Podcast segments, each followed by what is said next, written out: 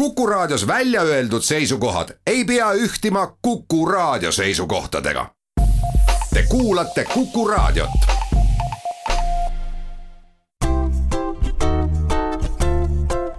patsiendiminutid, Patsiendiminutid toob teieni Eesti Patsientide Liit. tere, head Kuku kuulajad suvehooaeg on täies hoos ja inimesed Eestimaa peale laiali pudenenud. kui arstiabi kaugel, tuleb veidi ettenägelikkust siiski rakendada ja läbi mõelda, kuidas kergemate tervisehädadega ise hakkama saada. mina olen Kadri Tammepuu ja meil on täna stuudios Tartu Raekoja apteegi proviisor Silja Nellis, tervist, Silja! tere! no saame kodanikena uudiseid, et EMO-d on ummistunud, kergemate muredega sinna minna ei maksa ja samas on ju teada, et äh, ega iga inimene alati oma terviserikkest ise täpselt aru ei saa. kõiki probleeme ei saa lahendada ka telefoni teel. teisalt on ka kiirabi teada andnud, et nemad hakkavad ka peatselt äh, uutmoodi tööle ja enam kiirabi ekipaaži iga kord välja ei saadetagi. millal me võiksime saada näiteks apteegist abi, sellest täna räägimegi ja üks näide, mida arstid alati välja toovad, kui jutt on äh, ilmaasjata EMO-sse tulekust, on, et inimesed tulevad sinna puuki välja võtma. no kas apteeki on ka sellise murega pöördutud? Äh, apteeki on ka pöördutud, et võib-olla miks pöördutakse EMO-sse, on rohkem selline hirm nende haiguste ees, mida puugid endaga kaasas kannavad. aga üldiselt tegemist ei ole otseselt eluohtliku seisundiga sellel momendil ja võib täitsa pöörduda siis apteeki, kui nüüd ise ei julge eemaldada või, või vajate lisanõu, et kuidas siis puuki eemaldada. aga kuidas see puugi eemaldamine siis täpsemalt käib, no oleme kuulnud, et kui puuki eemaldada nii, et panna sinna näiteks peale võid, et äkki puuk sureb ära, siis see ei ole hea mõte jah, kindlasti see ei ole hea mõte, kindlasti ei ole hea mõte sinna ka midagi muud panna. enne puugi eemaldamist äh, ei tohikski panna sinna naha ümbrusesse mitte midagi, et ei ole vaja ka desinfitseerida, sest kõik äh, ained võivad puuki ärritada, mis siis intensiivistab tema sellist nagu sülje eritumist ja võivadki need äh, haigustekitajad sattuda meile organismi. kõigepealt tulekski puuk eemaldada siis kas siis spetsiaalsete pintsettidega või tangidega või siis õnnestub niimoodi küüntega võtta, et kindlasti tuleks pigistada sealt äh, pea juurest ja võtta pea kinni, taguosa ei tohi pigistada ja tõmmata siis lihtsalt otse nahast äh, eemale on räägitud ka pööramistest ühele poole, teisele poole, aga ma arvan, et see tekitab segadust ja see ei ole oluline, et pigem korralikult peast kinni, tõmmata nahast eemale ja alles siis äh, pesta vee ja seebiga see nahk puhtaks ja siis võib ka desinfitseerida. mis haigustekitajad siis äh, puugi sees on? no põhilised on kahte, kahte tüüpi laias laastus, on äh, viiruslik entsefaliit ja siis on bakteriaalne borrelioos puukentsefaliidi vastu on olemas vaktsiin ja saab ennetada seda haigestumist, aga kahjuks borrelioosi vastu ei ole vaktsiini. Kui puukentsefaliidi vastu saab vaktsineerida, kas äh, saab vaktsineerida ka näiteks apteegis, paar aastat tagasi vähemalt see võimalus oli? jah, et praegusel ajal ka nüüd mõnedes apteekides Tallinnas ja Tartus on seda täitsa võimalik teha. Ja kuna ühe kuu vahega tuleb teha kaks vaktsiini, siis võib-olla esimese õnnestub apteegis teha ja teise saab juba perearsti juures. nii et perearsti juurde saab alati minna ja paluda, et äh, sooviks puugivastast vaktsiini? jah, absoluutselt mm. -hmm. puuk pole muidugi ainus, kes inimestega maiustab, aeg-ajalt äh, võivad nõelata ka herilased või mesilased. mõnele inimesele mõjub see täitsa halvasti ja jalg või käsi või ka see koht läheb väga paiste. eriti kui näiteks mesilane või herilane peaks sattuma suhu ja seal nõelama mida siis ette võtta, kui äh, nii on juhtunud? Äh, kui nüüd mesilane või herilane on nõelanud äh, näopiirkonda või kaelapiirkonda, siis tasub kindlasti olla tähelepanelik, et jälgida, kas tekib hingamisraskus või, või arenevad tursed. et siis peaks kindlasti kiiresti kas või kutsuma kiirabi. kui muul, muul kehapinnal on nõelamine olnud, et siis tasub jahutada, desinfitseerida seda haava kohta ja kui tõesti turse on nagu väga suur, et siis võib ka allergiavastast tabletti võtta nüüd see niiske kevad, kui rääkides veel putukatest, on ju hästi mõjunud ka sääskedele. ja vähemalt need inimesed, kes maal elavad, räägivad, et sääski on praegu igal pool. kuidas end sääskede vastu kaitsta, mis nõu te annate, kui keegi apteegis seda küsib? Kõige parem on võib-olla siis mitte minna kohtadesse, kus sääsed äh, elavad, aga ei, tegelikult äh, tuleks panna siis äh, pikkade varrukatega riided, et riietusega võimalikult palju ennast kaitsta. ja kui on ka sellised riided, kus sääsed läbi hammustavad, et siis on ikkagi sääsetõrjevahendid need, mida, mida kasutada, et kas siis riietele pihustada või siis otse nahale tihti inimesed äh, muidugi ei taha nahale pihustada, arvavad, et need ained võib-olla ei ole väga tervisele ohutud, et äh, kas on nii või tõepoolest äh, ikkagi peaks käte pealt ise sääske kuidagi ära ajama? ei, naha peale ikkagi võib lasta, et on olemas täitsa sellised tooted, mida võib ka imikutel kasutada, et need on testitud ja kindlasti ei pea muretsema ega laskma lapsel piinelda ja üks äh, selline eripärane tegelane, kes võib ka suvises rohus hammustada, on rästik. näiteks kas apteeki on kunagi sattunud keegi, kellel on olnud rästikuhammustus või pigem siis otsitakse juba abi mujalt? ja rästikuhammustuse puhul ka ütleks, et äh, ikkagi siis inimesed juba pöörduvad arsti juurde, mis ongi väga õige. mis ohtlikku see võib tuua, kui rästik hammustab? rästikumürk on ohtlik võib tekkida sellised verehüübivuse häired, närvikahjustused, et võimalik, et on vaja nagu vastumürki manustada inimesele, oleneb, kuidas ta siis reageerib ja kui palju mürki ta on korraga organismi saanud. et kui nüüd inimene on saanud rästikult hammustada, et siis tuleks see jäse või, või kehaliige siis, kuhu on hammustus tulnud, et äh, seda hoida võimalikult liikumatult. ja kuna inimene võib sattuda šokki, siis äh, tuleks ta panna pikali või sellisesse hästi äh, turvalisse äh, olekusse, seni kuni siis abi tuleb. või kui nüüd ise haiglasse pöörduda, et siis transportida niimoodi inimest, et ta võimalikult vähe liigutaks ennast. Kindlasti võiks juua, tarbida vedelikku, eriti kui on tekkimas turse hammustuse piirkonnas. Ja kannatalul on ka janu aga ei tohi kindlasti midagi süüa anda, et, et ainult juua. miks süüa anda ei tohi? sest mürgistuse järgselt võib äh, tekkida oksendamine ja, ja sellel on omad riskid siis, kui kogus on väga suur ja no õnneks muidugi tuleb seda rästikuhammustust päris harva ette ja palju sagedasem on hoopis see, et minnakse suvekoju, grillitakse, tehakse lõket ja väga lihtne on sel juhul ennast ära põletada. millist esmaabi põletuse puhul võiks anda ja mida mitte teha? Äh, no põletuse puhul esimene asi on äh, riiete eemaldamine siis põletuspiirkonnast äh, ja jahutamine. ja oluline on, et jahutada tuleks sellise toatemperatuuril veega, et mitte väga külma veega kindlasti ega, ega ka jääga et kui äh, väga külmaga jahutama hakata, siis veresooned tõmbuvad kokku ja kudedest ei tule enam see kuumus hästi välja ja see põletushaav hoopis nagu süveneb ja see kahjustus on äh, sügavam.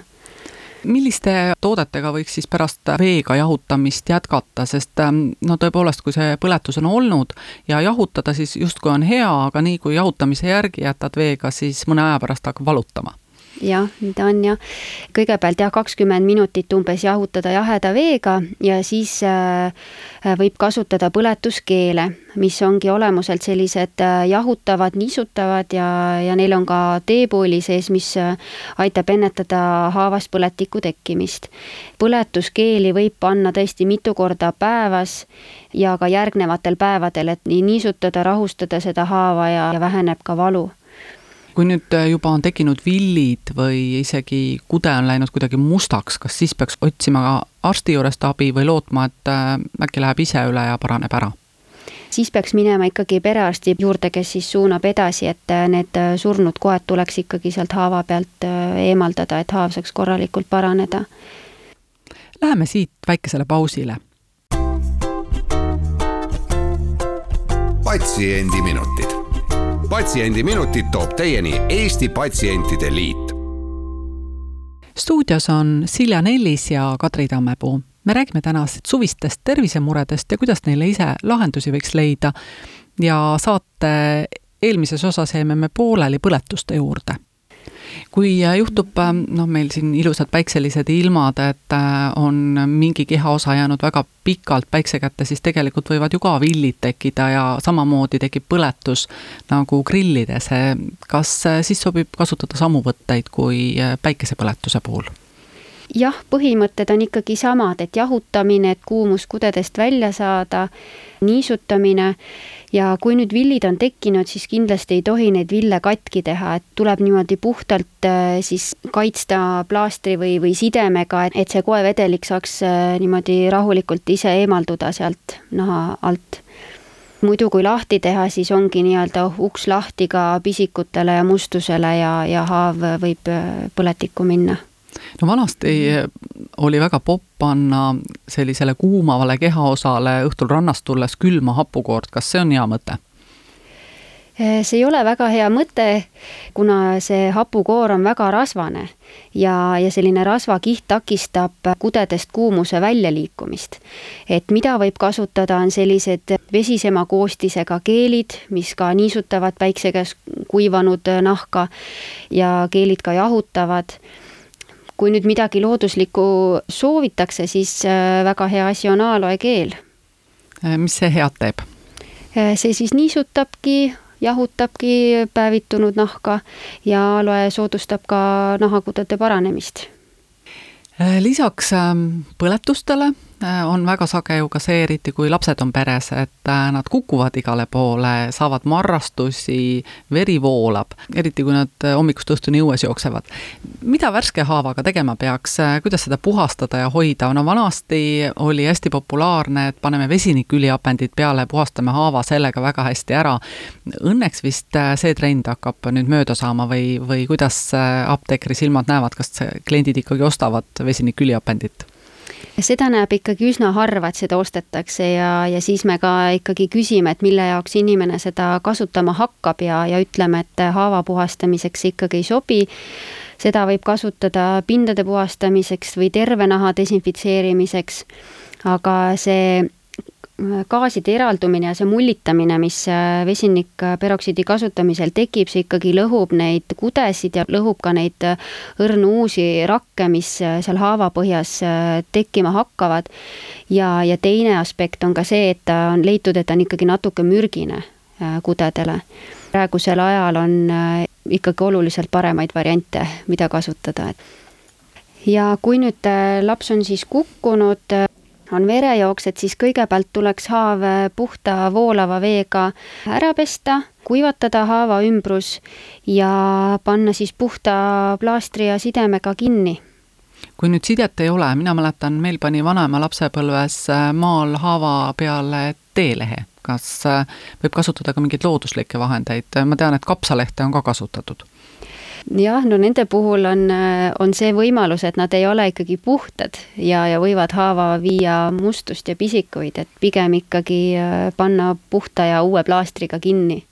ja kindlasti võiks koduapteegis olla nii väiksemaid plaastreid, sõrmeplaastreid kui ka siis suuremaid plaastreid veidi, veidi suuremale haavale, et näiteks kui ongi põlve peale kukkumine, siis äh, sõrmeplaastriga on natukene, sellest on vähe abi, ta on nii väike et kindlasti võiks olla ka valikus natukene suuremaid plaastreid.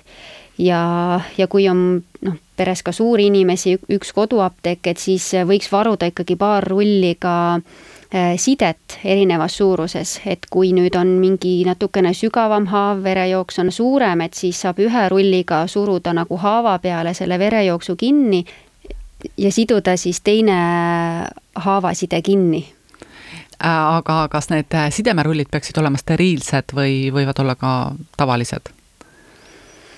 no see, mis haava peale läheb, see võiks olla steriilne, aga fikseerimiseks, kinnisidumiseks võib olla tavaline elastne side no see on äh, tõesti oluline, et neid sidemeid ja plaastreid piisavalt oleks, aga mis veel võiks olla ühes koduapteegis, olgu siis suvekodus või, või tavalises kodus? Suvises apteegis kindlasti võiks olla siis, kui, kui on peres allergilised inimesed, et kindlasti oleks väike varu allergiaravimitele, mm, palaviku alandajat või valuvaigistit alati võiks olla käepärast ja üks hea toode ongi nii-öelda põletuskeel tegelikult, mis võiks olla ka niimoodi kodus olemas põletused tavaliselt ei, ei hüüa tulles ja need ei pruugi olla ka väga suured, et alati ei pea olema sul suur grill, kus sa põletada saad, et kodus võib põletusi tekkida ka tavapliidi ääres toimetades, et, et siis on kiirelt olemas selline jahutav äh, haavaravivahend. ja seda põletuskeeli on väga hea panna ka näiteks sääsehammustuste peale ma olen muide märganudki, et kui selle põletuskeeli hästi kiiresti, kui kuskile ahjuga toimetad ja saad väikse niisuguse kõrvetuse panna kiiresti peale, siis üldse vill ei tekigi.